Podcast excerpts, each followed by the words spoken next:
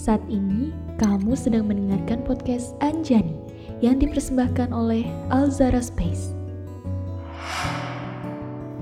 Sebelumnya di audio series Anjani.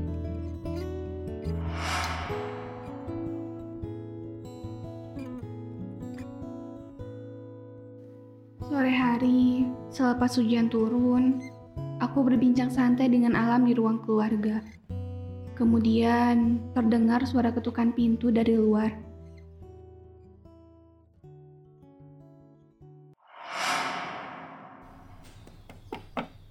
Siapa yang bertamu sore-sore begini?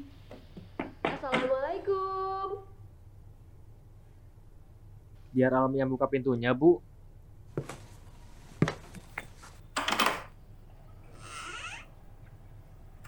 Waalaikumsalam. Kenapa pulang? Kamu itu emang ya nggak pernah ngarepin aku pulang? Bukan. Maksudnya teh kan, biasanya kamu pulang akhir bulan. Minggir, aku mau masuk. Ada apa, Lam? Loh, Putri, Ibu, kok kamu pulang gak ngabarin? Kan ibu bisa bikinin masakan kesukaan kamu. nggak apa-apa, kan biar surprise bu. Aduh, anak ibu yang cantik. Ayo masuk dulu. Duduk sini. Kamu pasti capek ya? Gimana kuliahmu, nak? ah nggak terlalu capek kok bu. Alhamdulillah kuliah putri lancar. Oh iya bu, lihat ini deh.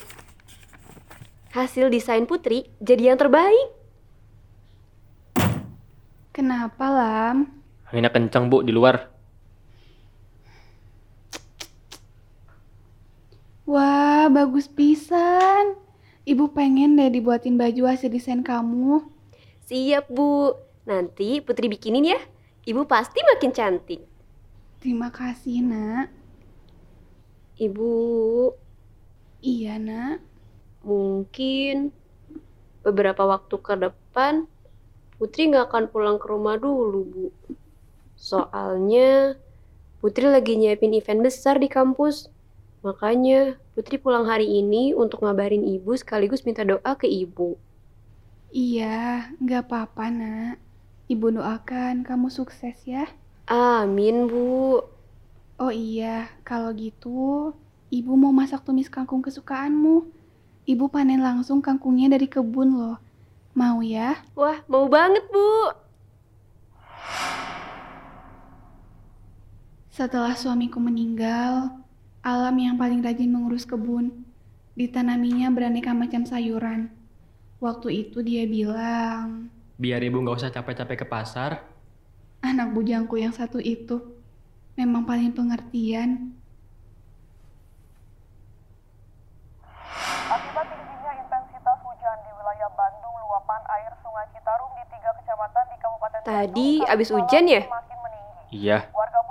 Waktu di jalanmu ke sini juga tadi banjir sih. Jalan Nah, kan? Di TV juga ngebahas tentang banjir. 30 sentimeter. Susah banget ya orang-orang untuk gak buang sampah sembarangan. Hm, bodoh. Apanya sih yang bodoh? Dulu aku sempat percaya dengan kata orang-orang. Kalau nggak mau banjir, jangan buang sampah sembarangan. Waktu jadi duta lingkungan dua tahun lalu, aku sendiri sempat keluar-keluar soal ini. Terus kenapa? Tapi aku baru sadar, ternyata itu bodoh kan? Bodoh apanya sih kamu? Ya percuma saja masyarakat rajin buang sampah pada tempatnya. Kalau negeri ini masih dikuasai para pejabat sampah dan tikus perdasi. Limbah disepelekan, Hey. hukum lingkungan dibeli, ekosistem dibiarkan terancam. Ujung-ujungnya, setiap hujan turun, berulang kali membanjiri kampung, menelan korban, dan menyebarkan penyakit. Sementara para bedebah itu bebas jalan-jalan ke luar negeri untuk membuka peluang bisnis baru. Terus apa masalahmu? Ya harusnya kamu paham kan, kenapa aku semarah itu waktu kamu memutuskan untuk sekolah fashion? Diung gitu-gitu aja terus. Eh, aku belajar ya. Limbah industri fashion itu salah satu perusak lingkungan terbesar di dunia. Lalu aku udah ngapain aja coba? Keluar-keluar nyuruh buang sampah pada tempatnya. Menjaga lingkungan. Omong kosong. Aku udah ngerasa gagal ketika kenyataannya adikku sendiri terjun ke dunia fashion. Kenapa sih? Kenapa cuma industri fashion? Lihat limbah plastik. Bukannya itu yang paling banyak rusak lingkungan. Apa kamu nggak baca berita? Berapa banyak hewan laut yang mati karena manusia buang sampah plastik sembarangan? Aku tahu. Tahu apa kamu? Aku tahu dan aku paham. Makanya aku nggak pernah setuju kamu sekolah fashion. Kenapa kamu nggak pilih bidang yang lain aja sih? Bidang apa? Aku mendalami bidang yang kusukai, apa itu salah? Kenapa sih kamu melarang untuk kuliah? Aku tidak melarangmu kuliah. Tapi kenapa harus fashion? Kenapa enggak? Ibu juga gak ngelarang kok. Ya, ibu mana pernah ngelarang. Terus kenapa sih kamu yang ribet? Kan aku yang kuliah. Apa kamu lupa? Waktu ayah sakit parah dan gak dapat penanganan medis yang maksimal, itu tuh karena kita gak mampu bayar rumah sakit. Sampai akhirnya penyakit ayah makin parah dan dia meninggal. Sejak saat itu, ibu bekerja keras membesarkan kita bertiga sendirian. Gak usah bahas-bahas ayah ya. Coba lihat Kang Guntur. Kang Guntur merantau ke Jakarta sampai dapat pekerjaan tetap agar bisa ngirimin ibu uang tiap bulan. Aku juga mau begitu. Aku juga mau bantu ekonomi keluarga. Hah? Membantu ekonomi keluarga dari sesuatu yang buruk? Apanya yang buruk sih? Aku udah berjuang mati-matian demi dapat beasiswa penuh di sekolah fashion. Lihat, semua itu ada hasilnya kan? Aku bisa berprestasi dan udah bisa ngasilin uang sendiri. Apa sih? Aku kan lagi membahas tentang lingkungan. Terus, kamu udah ngapain aja ha, sama lingkungan itu? Keluar-keluar nyuruh orang buang sampah pada tempatnya. Menjaga lingkungan. Omong kosong. Bahkan sampai hari ini pun kau masih numpang sama ibu dan belum bisa ngasih apa-apa. Kamu udah berbakti apa sama ibu? Ah, terserah kamu aja lah. Putri menemuiku dengan wajah muram. Aku curiga ia dan Alam bertengkar lagi. Seketika suasana menjadi gelap. Pertengkaran dua kakak beradik itu menciptakan awan kelabu di keluarga kami. Keesokan harinya, gadis bungsuku sudah berkemas untuk kembali ke sekolah fashionnya. Putri pergi dulu ya, Bu. Eh, bentar, bentar. Ini ibu udah buatin makanan buat di jalan. Ah, Ibu. Padahal mah gak usah repot-repot nyiapin makanan pagi ini. Udah, nggak apa-apa. Daripada kamu kelaparan di jalan. Siap. Makasih, Bu. Kalau gitu, Putri berangkat ya. Assalamualaikum. Waalaikumsalam. Aku melepas putri bungsuku pergi.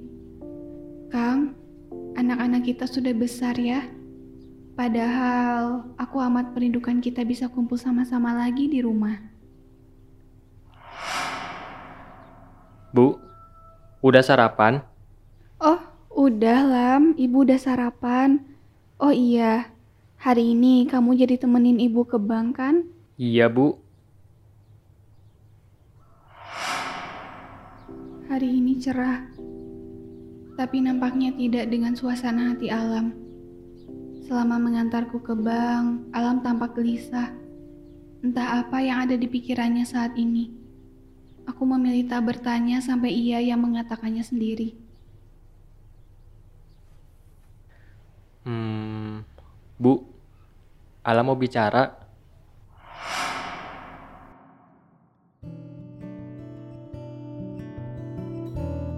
Bagaimana kelanjutan ceritanya? Tunggu episode selanjutnya.